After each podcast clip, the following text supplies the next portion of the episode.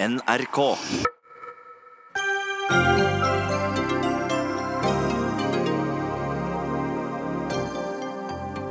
Granskerne av Tolga-saken med kvass kritikk, men kommunen skal ikke ha gjort noe galt med vilje. Siste slag mot jihadistene i IS pågår nå i Syria, men IS vil overleve og spre mer død og fordervelse, mener ekspert. 80% av nyfødte med adresse Grorud Oslo er barna innvandrere. Frp krever innvandringsstopp i hovedstaden. Og fraværet av lokale meningsmålinger er et demokratisk problem, mener lokalpolitiker. Verre når meningsmålingene tar for mye oppmerksomhet, svarer redaktør.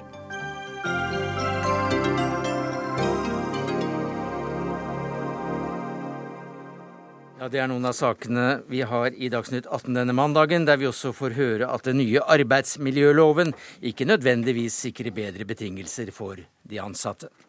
Men vi eh, begynner med den såkalte Tolga-saken, der brødrene Holøyen altså fikk diagnosen psykisk utviklingshemmede før de i det hele tatt var utredet.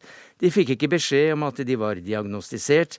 De fikk oppnevnt verger for økonomiske og personlige spørsmål på denne bakgrunnen, mens kommunen fikk utbetalt 7 millioner kroner ekstra i statlig støtte.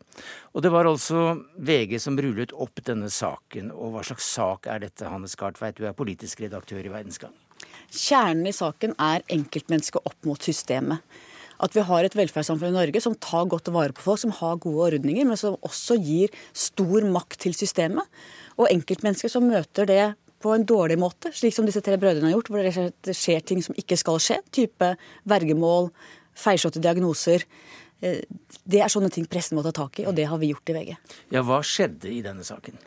Det var tre brødre som du sier, som fikk feilaktig diagnose eh, psykisk utviklingshemmet. Det utløser rammetilskudd fra kommunen. Eh, kommunen Tolga har fått 7 millioner kroner. Det er ikke dokumentert i denne rapporten som kom i dag at det var en bevisst og villet handling. Men eh, faktum er i hvert fall at de har fått mer penger enn de skulle hatt. Disse tre brødrene ble satt under vergemål. Det var ikke frivillig. Loven er veldig tydelig på at vergemål skal som hovedregel være frivillig, med mindre det er veldig veldig spesielle grunner til at det ikke skal være det. Og da de klaget til Fylkesmannen, så ble heller ikke klagen behandlet på skikkelig vis. Eh, så dette er i grunnen en historie om overgrep mot tre unge menn som ikke bør skje i Norge i dag. Ragnhild Aashaug, du er ordfører i Tolga. Hva sier du til denne rapporten? Da jeg er veldig glad for at den eh, rapporten har kommet. og Det har vært veldig viktig for oss eh, å få fram den rapporten, sånn at vi fikk eh, fram all mulig dokumentasjon til en gransking som er nøytral og med stor fagekspertise på området. Og så håper jeg jo at brødrene gjennom denne rapporten får de svarene de trenger. Og det er òg veldig bra nå at brødrene blir sett og forstått. Hvilken kritikk er det du tar mest alvorlig? Um, egentlig så må jeg si litt det her rundt med det med diagnose. Um, for det er jo sånn at kommunen her har innrapportert to diagnoser som viser seg å ikke være psykisk utviklingshemming inn i den PU-ordningen i inntektssystemet. PU? Og, ja, det, det, altså Inntektssystemet det består av flere kostnadsnøkler. Det handler om å finne de gjennomsnittlige mm. kostnadene for kommunene. Det handler om hvor mange en kommune som har høyskoleutdanning, hvor mange barn under 16 år, hvor mange over 90, hvor mange er skilt. Og alt det blir henta inn fra andre steder enn kommunen. Men på den ene kostnadsnøkkelen her som omhandler psykisk utviklingshemmede, så er det kommunen sjøl som rapporterer inn. Og her har da kommunen rapportert inn to diagnoser som viser seg å ikke være psykisk utviklingshemming inn i det systemet her. Nei, de var ikke utredet ordentlig? Nei, for kommunen har trodd at det var psykisk utviklingshemming. Hvordan kan, de dere, ha trodd, trodd det? De, de to diagnosene kan være ganske like og forveksles. Og det er jo det her som kommer godt fram i rapporten nå. Om aktsomheten en må ha når en rapporterer inn kanskje rundskriv som ikke har vært god nok bakover i tid.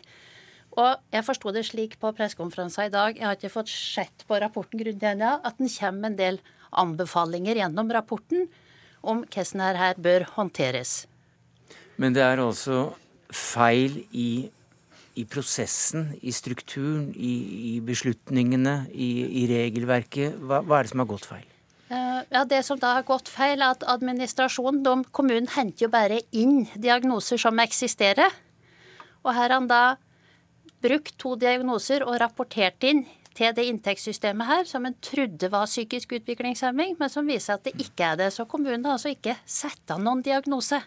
Dette er altså den kritikken som ordføreren tar mest alvorlig. Men det er, det er andre ting som du nevnte. Hva syns du er mest alvorlig i denne saken? Det er mye.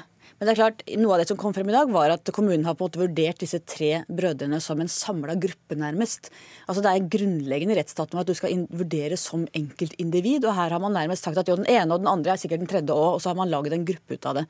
Og så har det selvfølgelig hele vergemålssituasjonen. At de har blitt fratatt råderetten over sitt eget liv, sin egen økonomi. Uh, og så har du dette med feildiagnostisering, som også er selvfølgelig veldig alvorlig. La oss ta dette med vergemål. Altså, hva har skjedd galt der? Nei, Vergemål det er det jo Fylkesmannen som må svare på. For saksbehandling og vedtak i vergemål det ligger hos Fylkesmannen. Han kunne ikke stille i dag. Monica Mæland, du er kommunal- og moderniseringsminister, og dette skal ikke skje, sa du på pressekonferansen i dag. Likevel skjedde det. Hvorfor? Ja, Det er jo det vi har vært opptatt av å komme til bunns i. Det VG skrev om i, i høst, eh, fremsto veldig alvorlig. Eh, og vi har vært opptatt av å eh, derfor gjøre en, en uavhengig gjennomgang både på dette med, med helsevesenets opptreden, altså diagnosefastsetting, på kommunens eh, håndtering av det økonomiske, på fylkesmannens håndtering av veigemål. Eh, så vi har fått tre delrapporter og én samlerapport. og Den viser at det er begått urett mot disse brødrene. Man har fått diagnoser man ikke skulle ha. Man er satt under vergemål på en måte man ikke skulle. Og kommunen har fått penger de ikke skulle. Det virker som det, det er feil på feil på feil. Eh, er regelverket klart nok, da? Ja, Det er jo en av de tingene vi må gå igjennom. Eh, det virker på meg, basert på den, eh, de opplysningene vi har fått i dag, på at dette med diagnosefastsetting er for komplisert, eh, og at rundskrivene ikke har vært tydelige nok. Det går helseministeren igjennom.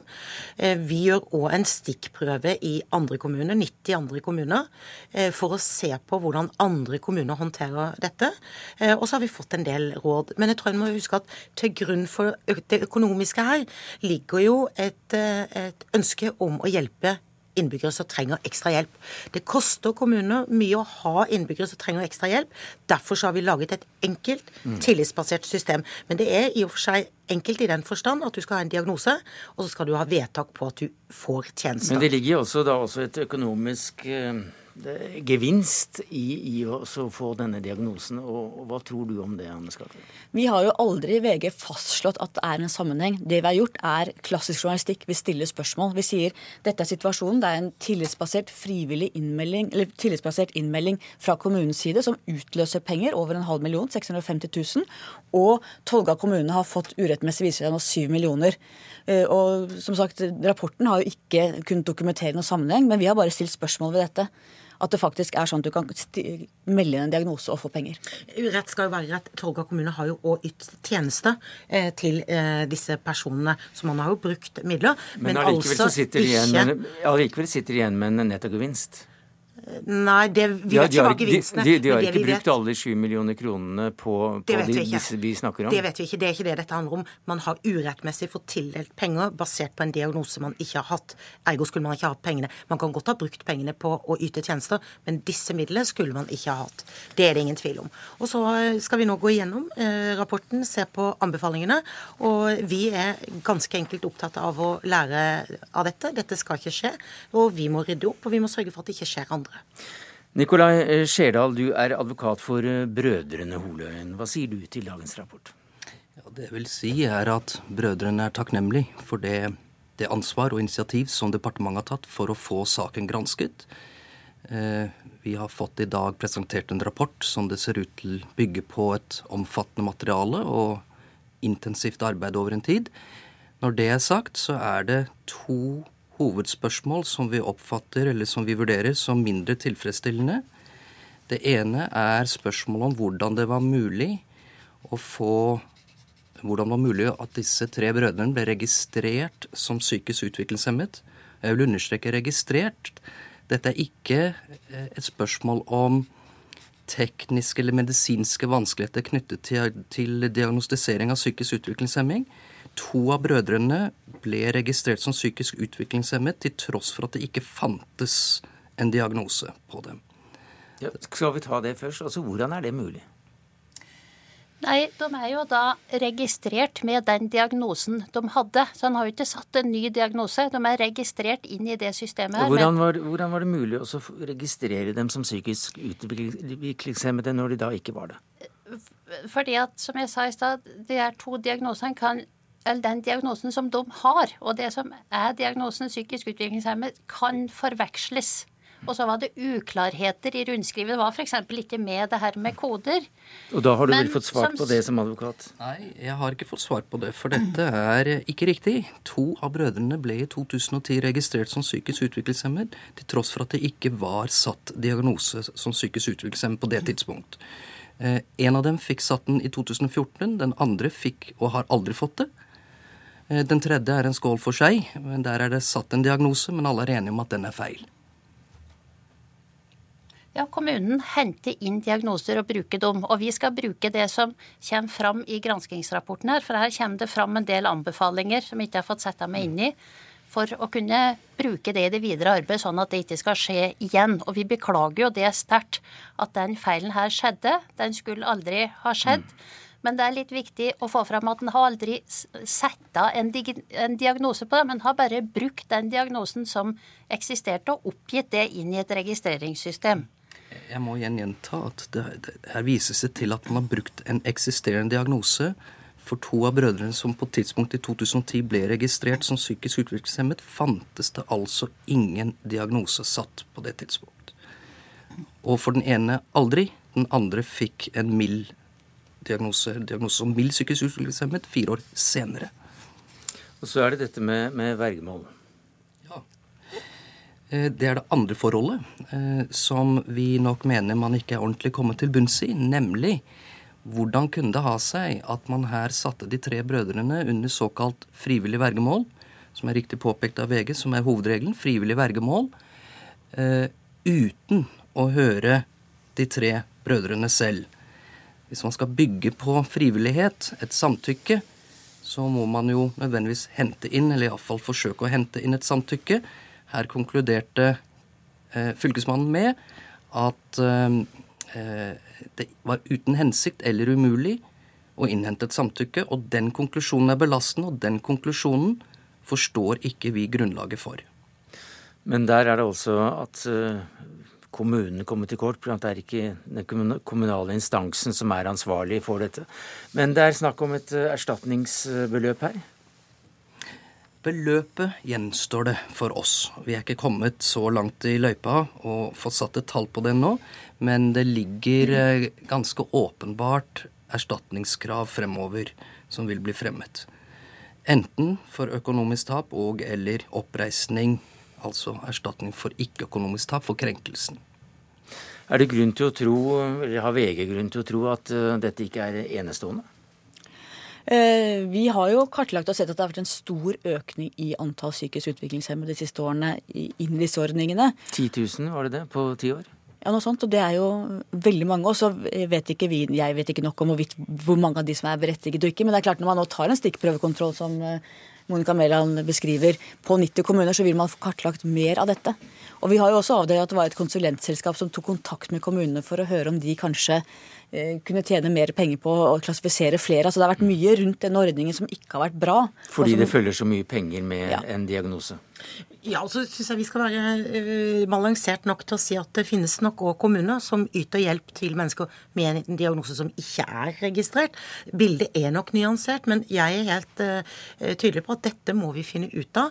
Vi har et system basert på tillit som skal være enkelt å håndtere. Der kan vi åpenbart gjøre forbedringer.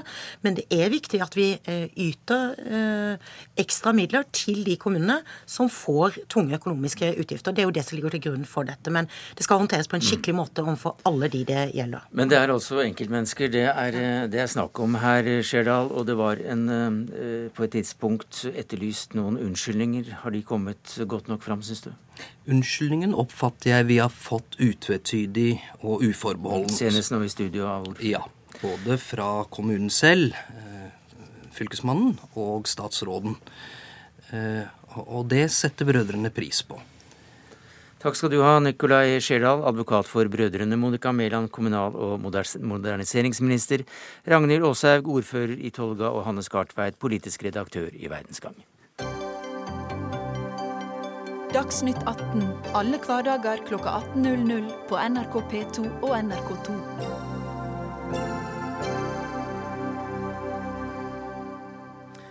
Vi skal eh, snakke om endringene i arbeidsmiljøloven som trådte i kraft ved årsskiftet. Endringene kom etter at Stortinget i fjor strammet inn loven for bemanningsbransjen, og det i arbeidstakernes favør. Men som Søndagsrevyen i NRK fortalte i går, så mener Fellesforbundet at denne loven kan omgås og er blitt omgått. Og hvordan da, Steinar Krokstad, du er nestleder i Fellesforbundet? Ja, For oss er det jo uforståelig at loven kan omgås, men det er i alle fall noen som prøver seg på det. Og de har vel klart det, har de ikke? Ja da, de har klart det. Vi, den har jo bare fungert i én måned. og vi, Til oss så tikker det inn eksempler flere ganger om dagen. Hvordan da? Eh, nei, altså Det vi ser er jo en helt klar mal på at eh, du blir ansatt gjerne i en lav stillingsgrad, og så står det etterpå at du skal, ar, altså, arbeidet skal skje periodevis i løpet av året. Og det er, det er, vel ikke en formulering i tråd med loven, når loven og forarbeidene til loven er så utrolig presis i forhold til at du skal vite når du skal arbeide. For det var det nye med denne loven bl.a. Det var at det skulle sikres denne retten til eh, forutsigbarhet. Ja, altså det, En kan si det at eh, Stortinget satt på en måte foten ned for den praksisen som bemanningsbransjen hadde. Ja, Den hadde jo tatt seg til rette, og derfor så var det veldig viktig at Stortinget satte foten ned. og Det som skjer nå, er jo at bemanningsbransjen og NHO Service egentlig peker, peker nese til Stortinget. Vi har ikke tenkt å gi oss uansett. Vi fortsetter som før.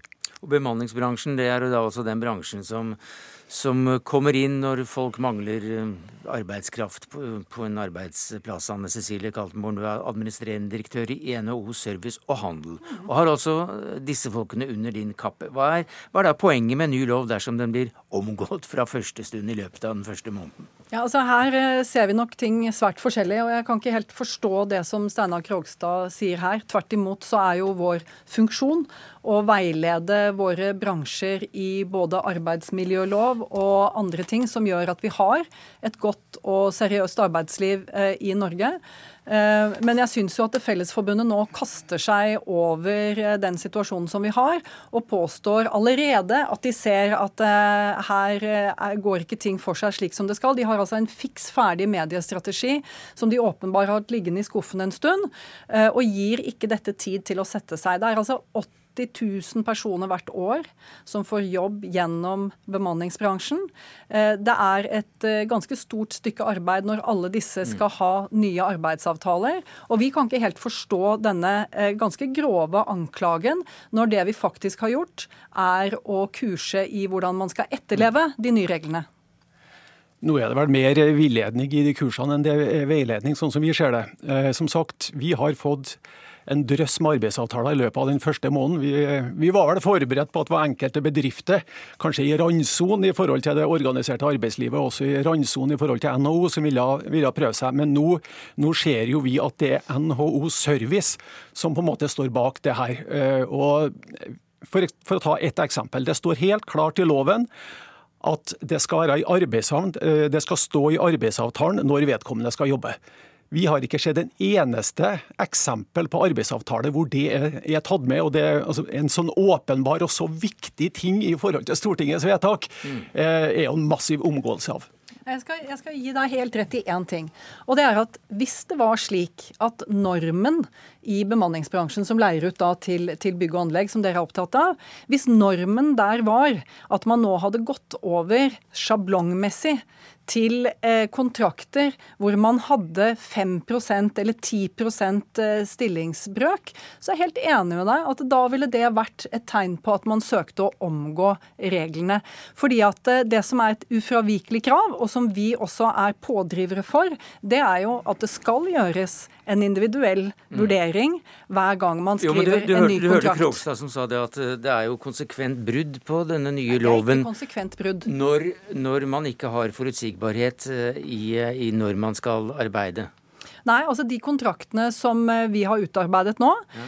de har jo to elementer i seg. Det ene er jo kravet om at det skal være en fast stillingsbrøk. Selv ned i 5% som vi har sett altså, eksempler på? Jo, det er jo ikke angitt i kontrakten, men vi anbefaler jo at vi ikke skal ha kontrakter under 20% Det var den ene delen av den. Og den andre er Og den andre delen er jo at å gi to ukers forutsigbarhet for når du skal arbeide, det er del av oppdragsbekreftelsen. Og de to tingene må ses under ett. Nei, uh, toukersfristen deres holder ikke. fordi at det er så tydelig i det forarbeidet, og det står også helt presist at spesielt i deltidstilfellene, og det er jo der du har en lavere stillingsgrad, så er det viktig å ha forutsigbarhet. Fordi at arbeidstakeren skal være i stand til også å få seg en annen jobb for å fylle opp den stillinga. Og hvis en skal gå og vente på altså Hvis alt sammen er avhengig av 14 dagers Eh, varsel om at du får en ny jobb, så kan du ikke gå til en annen arbeidsgiver. Er... Hvor lang tid varsel må du ha da? Nei, altså det, vi, fornøyd? Ja, det skal stå i arbeidsavtalen når du skal jobbe. Altså skal du jobbe, skal du jobbe på sommerhalvåret, vinterhalvåret, skal du jobbe de og de månedene. Det er det kravet. Det vi vet, det vi vet, er jo at eh, når de leier ut av våre bransjer, bygg og verft, så er det heltidsbransjer. Så du leier ikke ut på noe deltid. Du leier ut på heltid. Det vil si at det er, altså det er det er mellomrommene mellom oppdrag som så blir avregna til en lavere stillingsgrad. Og det er ikke noe annet enn at det er en videreføring av dagens praksis, at du ikke skal ha betalt mellom oppdrag. Nei, Det er overhodet ikke noen videreføring. Det er en ekstremt stor endring at det nå angis nøyaktig hvilken stillingsprosent du skal ha i løpet av et år. Det er noe helt annet enn det man hadde tidligere. Eh, og så er det jo sånn som man kanskje hopper litt bukk over når vi innleder denne diskusjonen, og det er Bemanningsbransjen er jo i utgangspunktet strengt regulert. Du har kun lov til å leie inn etter hovedregelen som gjelder bemanningsbransjen, når du har et midlertidig og et uforutsett behov. Så hvordan skal du da kunne legge de samme premissene her som du gjør for resten av arbeidslivet? Det vi ser er jo at det er mye permanent innleie. Eh, og det er jo derfor at det også ble, altså Stortinget stramma jo også inn adgangen til innleie fordi at den hadde for stort omfang. Nå, eh, nå må det ha en tariffavtale f.eks. med oss for å ha en adgang til å leie inn. og I tillegg skal det avtale med tillitsvalgte. Så klart, Det vi er nødt til å kjøre ut nå, det er jo at vi må jo anbefale våre tillitsvalgte til å ikke akseptere innleie der du har de avtalene som NHO Service nå uh, kjører ut. Dette er jo helt ulogisk. Altså Nettopp fordi det nå er sånn at du må ha en avtale med en, en, fagforening med innstillingsrett, så kunne jo du bare satt deg tilbake og ventet på at disse tiltakene skulle virke. Fordi at da måtte jo en fagforening med innstillingsrett, sånn som dere har, godkjenne det. Men Dette blir litt teknisk, men, men er ikke bemannings byråene i en spesiell situasjon da? Det sier seg selv at de må putte inn folk plutselig der, og så må de ta det ut. med at da kommer arbeidstakeren tilbake som hadde jobben fra før, og det er sykemeldinger og det er korttidsoppdrag. Uh, det er veldig lite sykemeldinger de kan erstatte. Nei da, de er ikke noen spesiell situasjon. De vil gjerne selge seg til å være i en spesiell situasjon, men mm. våre bransjer er jo oppdragsbransjer. Jeg eh, har sjøl jobba med det. Det er ikke bestandig Ta nå alle servicebilene som bl.a. kjører rundt her i Oslo. De har ikke oppdrag hver eneste time, men det er arbeidsgiver som er ansvarlig. Det er han som har lønnsplikt. Og Det som også er ganske presist i de forarbeidene som gjør, er jo at det spesielle med, med bemanningsbransjen er at det er arbeidstakeren som skal ha all risiko, mens det ordinære arbeidslivet, det vanlige arbeidslivet, så er det jo arbeidsgiveren som har risiko, som har lønnsplikt mm. hvis du ikke har oppdrag akkurat nå. Så de, de måtte ha de har fått til, fått til, en praksis hvor de har en kostnadsfordel, og det kan de ikke ha. De skal være, det skal helt ordinære ansettelser, basta. Begreper som permanent innleie kan jo tyde på at uh, vi ser ting fra litt forskjellige sider. fordi at uh, Etter min forståelse så er altså bemanningsbransjen som jeg sa i sted, strengt regulert. Og det er kun i de situasjoner hvor det er snakk om et midlertidig og uforutsett behov, at du har uh, lov til å leie ut. Så er det klart at du har helt rett i at bygg- og anleggsbransjen de har veldig stor forbrukermakt når det gjelder innleie. Fordi de står for en tredjedel av all vikar og eh, bemanning, eh, omsetning i Norge. Så det er klart at eh, en av mine oppfordringer når vi søker å ha et seriøst arbeidsliv, går jo nettopp til bygg- og anleggsbransjen. Hvis de har et behov for f.eks. tre måneders innleie, så må de også gi den beskjeden til eh, bemanningsselskapet at vi skal ha noen i tre måneder, ikke i én uke. Så det kurses de altså i. Men kort til slutt, eh, hva er din utfordring, viktigste utfordring da til arbeidsgiverne? Nei, altså Det er jo å få det regelverket her til å fungere som det, som det var tenkt som. Eh, og Hvis, hvis da eh, NHO Service mener at det er for utydelig, hvis de mener at det er en mulighet til å omgå det, så har vi også forslag til å lage enda mer presist regelverk. Og Én mulighet er å forby hele bemanningsbransjen i bygg, og det andre er å altså innføre heltidsstillinger. Det kan vi heller komme tilbake til. Steinar Krogstad som nestleder i Fellesforbundet, takk skal du ha. Anne Cecilie Kaltenborn, administrerende direktør i NHO Service og Handel.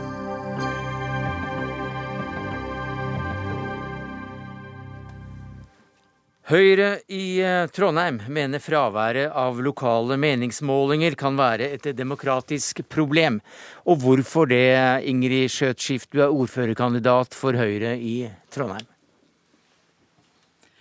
Ja, det er klart at uh, Meningsmålinger lokalt avviker ofte ganske mye fra de meningsmålingene som skjer nasjonalt. Og uh, meningsmålinger i seg sjøl, som viser endring, er en viktig del av den politiske dynamikken som vi ser lokalt. Hvis det ikke kommer meningsmålinger, og hvis det ikke kommer noen løypemeldinger om hvordan den politiske sitsen er, så vil jo eh, fortellinga i kommunen være at her er det ingen forandring. Her er ting hogd i sten, her blir det ingen endring. Så her kommer Arbeiderpartiet til å sitte til evig tid? Det er det du er redd for, ikke sant? Eh, det, har, det har i Trondheim vært en del av fortellinga, i hvert fall i begynnelsen på denne valgperioden. Det har jo forandra seg nå.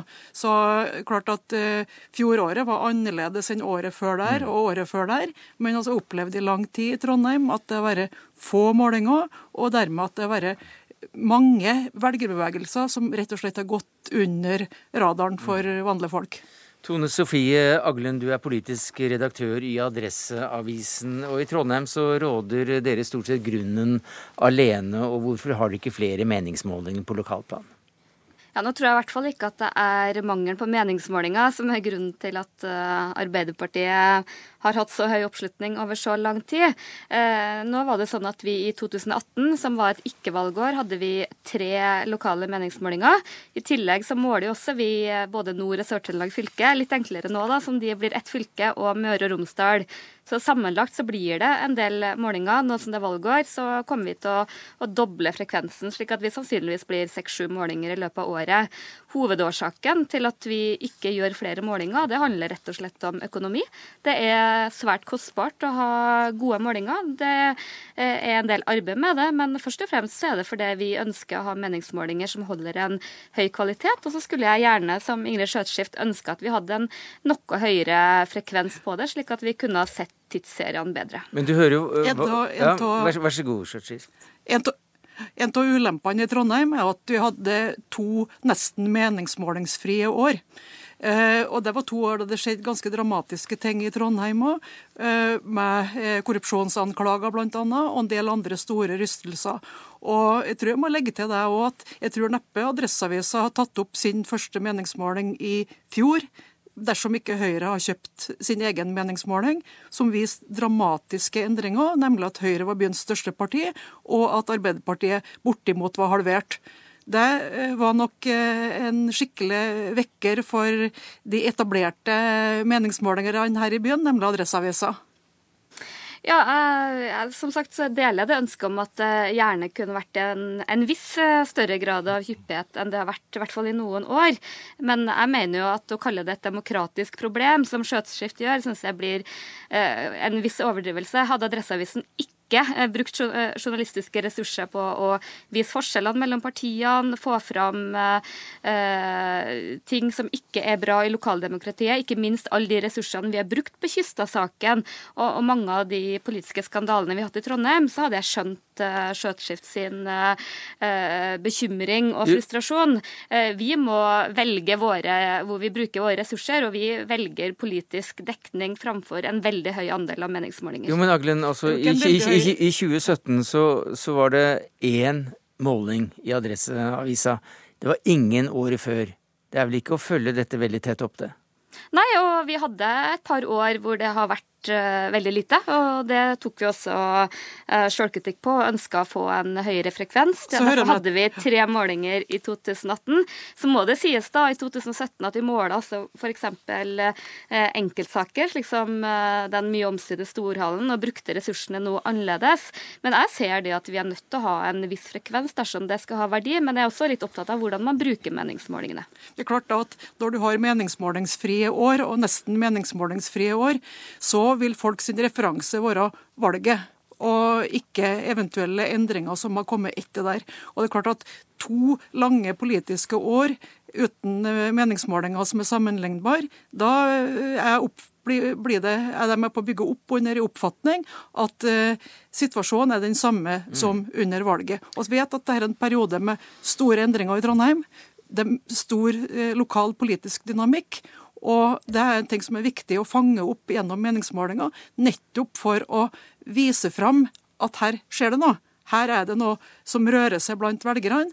Det bør dokumenteres jevnlig. Og det er ikke et stort antall meningsmålinger som er poenget her, men at det utføres jevnlig, slik at man har et sammenligningsgrunnlag over tid klart at eh, Det at det kommer et stort antall målinger nå i valgåret, det retter ikke opp at det faktum at 2016 hadde mm. null og 2017 hadde én. Bernt Årdal, du er professor ved Universitetet i Oslo. Hva tenker du om denne saken, at det etterlyses flere meningsmålinger? Hvis ikke så blir det et demokratisk problem? Den er interessant, fordi at vanligvis så er det det motsatte. Eh, posisjonen man ofte trekker inn når det gjelder demokrati, at det er for mange målinger, at man blir for opptatt av veddeløpet. ikke sant? Hvem leder, hvem kommer til å vinne? Eh, og at dette går ut over de sakene som partiene har lyst til å, profilere. Jeg skjønner jo likevel det Sjøtsjef sier om dynamikken i valgkampen, og at man kan da få et veldig statisk bilde hvis man ikke har noen målinger i, i perioder. Men det er vel som her som på mange andre områder at det gjelder å finne en, en balanse. Eh, jeg gjorde en opptelling for noen valg siden for lokale målinger og regionale målinger. og Da var det 300 slike i de fire siste ukene før valget. Så jeg tror nok at det kanskje ble vel så mange målinger å forholde seg til at det var kanskje vel så mye et problem som at det var for få. Jo, men Vi hører jo da at Skjøtskift mener to år uten meningsmålinger i det hele tatt. Da fanger du ikke opp noen tendens eller noen forandring i det hele tatt, og alle tror at alt er status quo. Ja, men, men, det som forundrer meg da, det er jo at man ikke bruker mer av de nasjonale målingene. For hvis man slår sammen en, la oss si et halvt år med nasjonale målinger, og man har gjort et, godt nok arbeid når det gjelder utvalgstrekkingen, så skulle man være i stand til å, å få et bilde av, av, regionale variasjoner og forskjeller mm. også. Og dette er jo noe som de nasjonale partiene, både Høyre, Arbeiderpartiet og flere andre eh, partier, abonnerer på. Så disse dataene burde de ha tilgjengelig. Hvor ofte burde man ha en meningsmåling da, skjøt skift, hvis du skulle ønske deg noe? Du hører her at professoren sier at for mange er også galt. Jeg er helt enig i det. Og det er jo en tendens til at de hoper seg opp rett foran valget. Og da eh, vil de kunne ha helt, den motsatte effekten.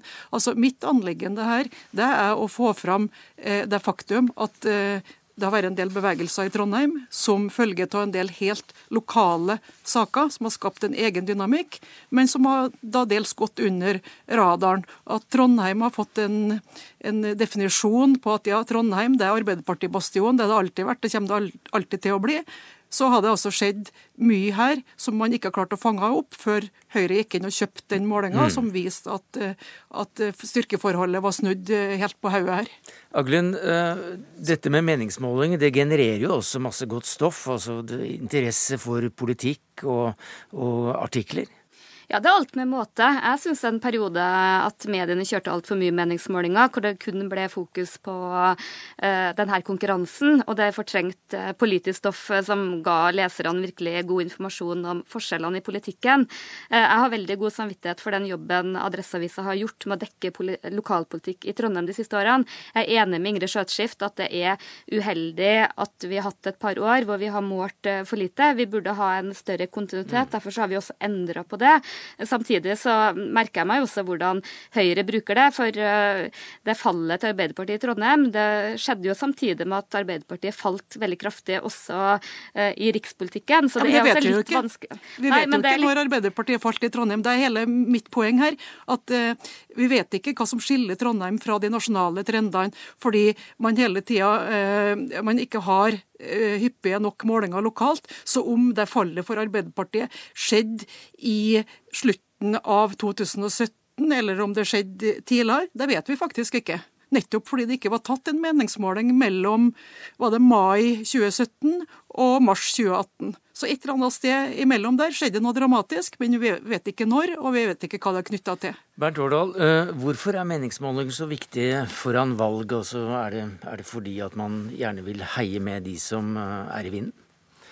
Ja, på en måte så det er nok en forestilling, kanskje særlig hos partiene, at eh, meningsmålingene påvirker velgerne. slik at det er gjerne det vi kaller for en snøballeffekt, eller for så vidt også en underdog-effekt. At, at, Enten at man da hopper på det toget som ruller fortest, eller at man hopper av det som det går dårlig, eller støtter opp det som det går dårlig med.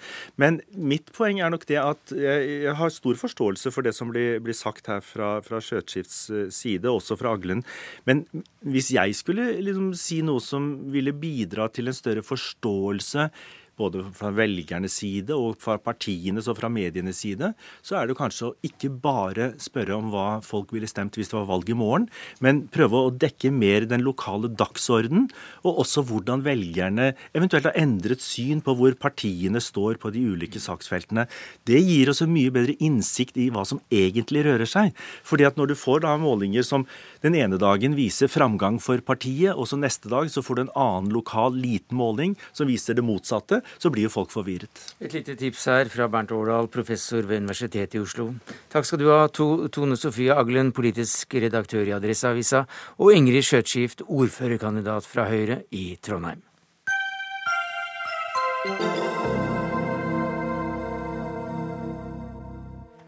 Øst i Syria, nær landsbyen Bagus, kjemper nå et mindre antall IS-krigere, ikke bare for sine liv, men for det siste IS-kontrollerte området av noen størrelse i hele Midtøsten. 95,5% av landområdene i det de selv kalte for kalifatet for 35 år siden, skal være tapt. Og hvordan er kampene i Bagus nå, Midtøsten-korrespondent Kristin Solberg i nabolandet Libanon?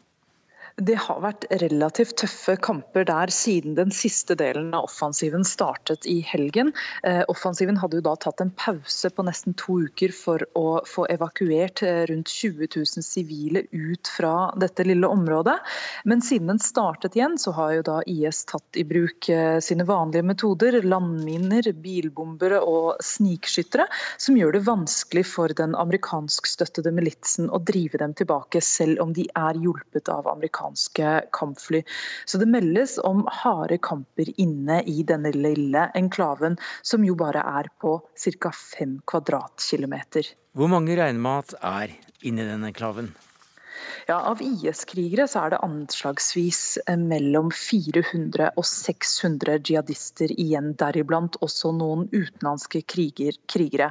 Og Dette da, eh, skal da være snakk om eh, relativt erfarne IS-krigere som tidligere har kjempet i, i storbyer som Raqqa og Mosul. Og Nå har de jo da ryggen mot veggen i dette området, som er omringet. Og Det er ventet at de kommer til å kjempe til døden. Så Det kan bety tøff motstand for den amerikanskstøttede militsen i, i dagene og kanskje ukene fremover. Thomas Slensvik, du er hovedlærer i strategi og doktrine ved Forsvarets eh, høgskole, og du har bl.a. Syria og IS som ditt eh, kompetanseområde. Hvordan vil du beskrive IS' sin situasjon i denne enklaven nå? Ja, nå er de i ferd med å bli nedkjempet her. Man ser at uh, også utlendinger nå begynner å prøve å flykte fra området og bli tatt til fange. Så det territorielle IS er i ferd med å opphøre. Og så er det jo rundt eh, regnet eh, enkelte anslag opptil 30 000 IS-krigere som man ikke kan gjøre rede for. Så man, eh, Noen har dratt hjem, men man frykter jo da at mange av disse vil bli en slags geriljabevegelse i området. I dette området? I dette området, helt, i egentlig det området hvor de har hatt kontrollen helt fra Bagdad og Irak til, til Aleppo. De som uh, følger uh, denne, disse slagene, hvor lang tid gir uh, de IS i dette områdene, Solberg? Når er kampene over? Ja, Det er jo alltid vanskelig å anslå eh, slikt. Eh, president Donald Trump har skrytt av at eh, IS vil bli beseiret denne uken. Det er kanskje litt optimistisk, men det er jo som sagt alltid vanskelig å forutse. Og det kan jo skje i løpet av denne måneden. Det er i hvert fall anslagene til, til kommandanter i denne såkalte SDF-militsen, som, som, som er den amerikanskstøttede militsen som kjemper mot, eh, mot, IS. Eh, men så er det jo eh, klart at man kan si at IS vil bli da beseiret i denne enklaven, og, dermed miste den siste resten av det store kalifatet, selverklærte kalifatet som de hadde for, for tre år siden. Da hadde de jo et område som strakte seg over store deler av Irak og Syria, og, og var bebodd av omtrent ti mm. millioner mennesker. Så det var et betydelig område, område. Men det at de vil miste det kalifatet, det betyr ikke at IS på noen som helst måte er over. Vi ser allerede at de opererer mer som en geriljagruppe, eh, og at de også styrkes igjen i områder der de ble drevet ut for litt siden, f.eks. rundt Mosul og Raqqa, og tar eh, og utnytter det maktvakuumet som er der nå, eh, og også det at gjenoppbyggingen er sent med å komme i gang, mm. og at folk dermed lider og får mindre tillit til sentralstyremyndighetene i begge land. Ja, Hva slags former kan man regne med at IS vil ta nå, Slensvik, som organisasjon, eller som en geriljaorganisasjon, eller som sovende agenter, eller hva man kaller det? Det, det, man frykter, er jo sovende celler. Og, og, hvis man uh, mister presset på området her, altså sikkerhetssituasjonen, og at det skal gjenoppstå, og at de skal uh, begynne å ta tilbake mindre landsbyer og bygges opp igjen, Eh, det er, det, for å få til det, så må selve presset, det militære presset i området forsvinne. og Det kan skje ved at det kommer i konflikt med kurderne og, og Syria, eh, sentralmakten osv. Men, men selve ISIS her, sånn som de opererer nå, så er det bombeaksjoner mot markeder. Det er kidnappinger, eh, det er henrettelser. Og alt dette her for å skape sekterisk vold. Noen ganger i ren pengeøyemed, at man kidnapper for å ta løsepenger. Så, så, her har man en rekke forskjellige, men, men, det som er til felles her, er at de ikke klarer å ta og holde et område. De kan angripe en veipost, men eh, må trekke seg tilbake når angrepet er utført. Hva er det store bildet av Syria-konflikten i dag? Ja, nå er det, nå, Som ISIS uh, forsvinner eh, som en territoriell organisasjon, så har du altså et stort område kontrollert av en kurdiskledet milits, men som også er tilsluttet av en rekke arabiske grupper og den syriske sentralmakten, eh, pluss et eh, opprørsområde lenger vest eh, i Idlib og nordvest Syria. Så det er disse tre områdene igjen som, som står igjen, hvor man nå har en slags våpenstillstand mellom disse grupperingene. Men når ISIS forsvinner, så er det da usikkert hvordan dette her vil selge seg. Og når USA også trekker seg ut, så forsvinner da sikkerhetsgarantisten til kurderne. Og da, da, står altså kurderne i fare både for å bli angrepet av eh, syriske regjeringsstyrker, og eventuelt også av tyrkiske styrker eh, nordfra. Så nå kommer altså kurderne under et dobbelt press? Nå kommer det under et dobbelt press, og det har jo vært, de har vært i forhandlinger med Assad, eh, altså den syriske regjeringen, for å prøve å få til et slags intern, eh, intern selvstyre. Men de vet at de, hvis USA trekker seg ut, og, gjør, gjør, og sannsynligvis gjør det i løpet av noen, eh, en liten tid, så, så er de utsatt. Mm. Kurdernes situasjon skal vi ta i et uh, annet eh, program. Nils Butenschøn, du er uh, professor ved Norsk senter for menneskerettigheter. Du har fulgt utviklingen i Midtøsten i halvannen generasjon? Siden Nassers tid, i alle fall. Hvor langt tilbake i tid må det således da gå for oss å forklare det som nå skjer i Syria? Ja, det var et vanskelig spørsmål. Jeg tror ikke vi skal ha en veldig lang forelesning om det. fordi jeg kunne gjerne begynne med første verdenskrig og resultatet av den. Men det gjør du ikke nå. Du, du, ikke vil, du, vil, gå til den arabiske våren. Ja. Eh, og de, kan du si, de forutsetningene som utløser den arabiske våren, de er i høy grad fortsatt til stede. Og det er liksom det krisebildet som vi nå kan tegne. Den arabiske våren gjorde jo bare tingene verre, både når det gjelder økonomi, når det gjelder eh, sikkerhet, når det gjelder eh, sosiale relasjoner, når det gjelder eh, statsmaktens eh, styrke. Altså vi, det vi har nå, er fragmenterte, svake stater, og mange stater som er brutt sammen, som Libya, Jemen, langt på vei Irak, Syria. Så det gjør det jo forferdelig vanskelig å tegne et klart mønster av noe som kan kalles en positiv utvikling. Selv i Tunisia, som jo var det landet som kom best ut av den arabiske våren, hvor man altså fikk et regimeskifte og en ganske demokratisk konstitusjon og frie valg, der er altså den økonomiske situasjonen så alvorlig at det, det murrer veldig under overflaten. Det er store problemer i Libanon. Eh, Irak har vi kanskje så vidt vært innom. Der, den er jo en, en stat som er eh, veldig fragmentert. Så det, har, det, bildet som da tegner seg nå, det er av en region hvor du har altså da en grunnleggende autoritetskrise i forholdet mellom statsmakt og borgere. Du har en veldig dyptgripende økonomisk krise som har bare blitt mye verre etter den arabiske våren, i land f.eks. som Egypt da, hvor, som da også er betegnende når det gjelder den politiske utviklingen, hvor vi har en mer og mer autoritært regime. Og så er spørsmålet hvorfor får man ikke en positiv dynamikk? Hvorfor får man ikke en, en, endring? Man kunne jo tenke seg, som man har sett i andre regioner, at etter store kriser så kan man på, på en måte få en litt sånn ny start. Ja, Det er et godt spørsmål. Hvorfor ja, får man ikke det? da? Jo, og det, da må man trekke inn liksom den, de alliansene som vi her ser mellom lokale autoritære ledere, regionale makter, altså lokale først, regionale makter og globale aktører.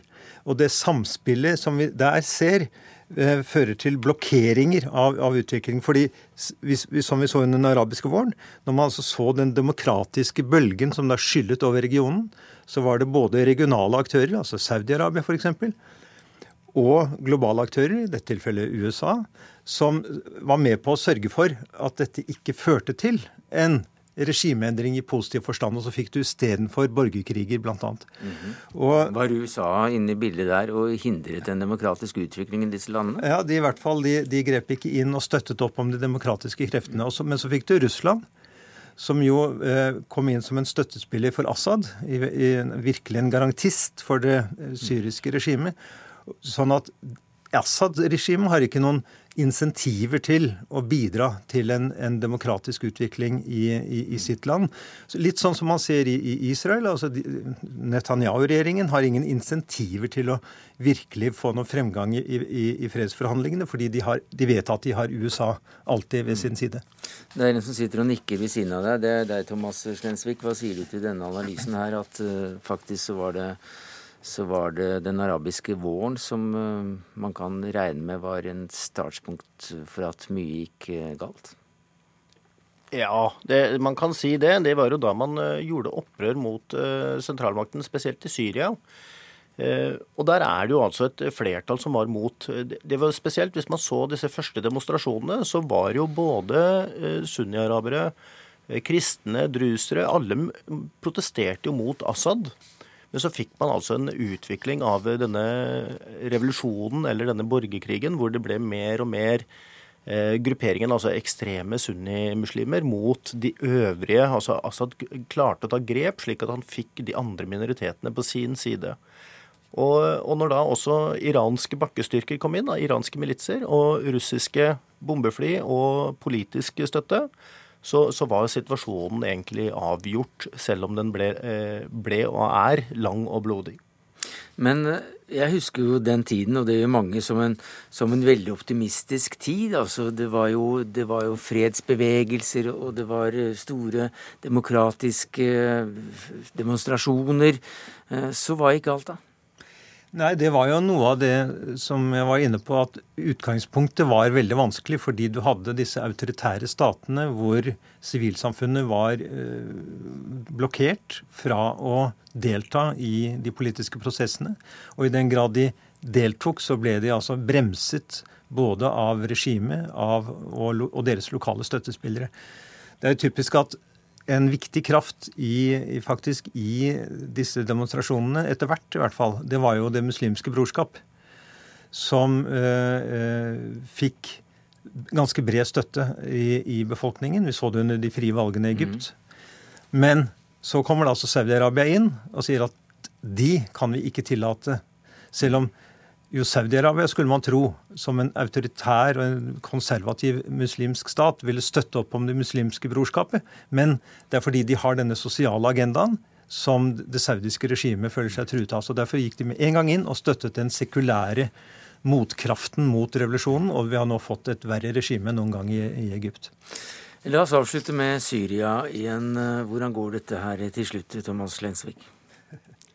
Det er jo 10 000 kroner spørsmålet, eller kanskje 10 milliarder spørsmålet. Ja, Vi har penger nok. Det, eh, det første nå er jo eh, den situasjonen som Eller to situasjoner som gjenstår. Det er kurderne og, og regjeringen, altså Assad. Og så er det Assad og de øvrige opprørerne, den frie syriske hær. Og her eh, er det nok ikke slutt på krig ennå. Men dere regner med at eh, regimet vinner til slutt? Alt tyder på det, og så er det spørsmål hvor lang tid det vil ta, og om det er områder igjen som er kontrollert av andre, mindre områder som er kontrollert av andre grupperinger. Takk skal du ha. Vær så god. Jeg bare sier at Staten Syria vil jo være mer fragmentert eh, enn den var. Og det blir forferdelig vanskelig å tenke seg hvordan denne staten skal kunne samle seg igjen eh, under et felles regime. Takk skal du ha, Nils Butensjøen, professor ved Norsk senter for menneskerettigheter. Thomas Slensvik, hovedlærer i strategi og doktrine ved Forsvarets høgskole. Hør Dagsnytt 18 når du vil. Radio NRK Radio.nrk.no.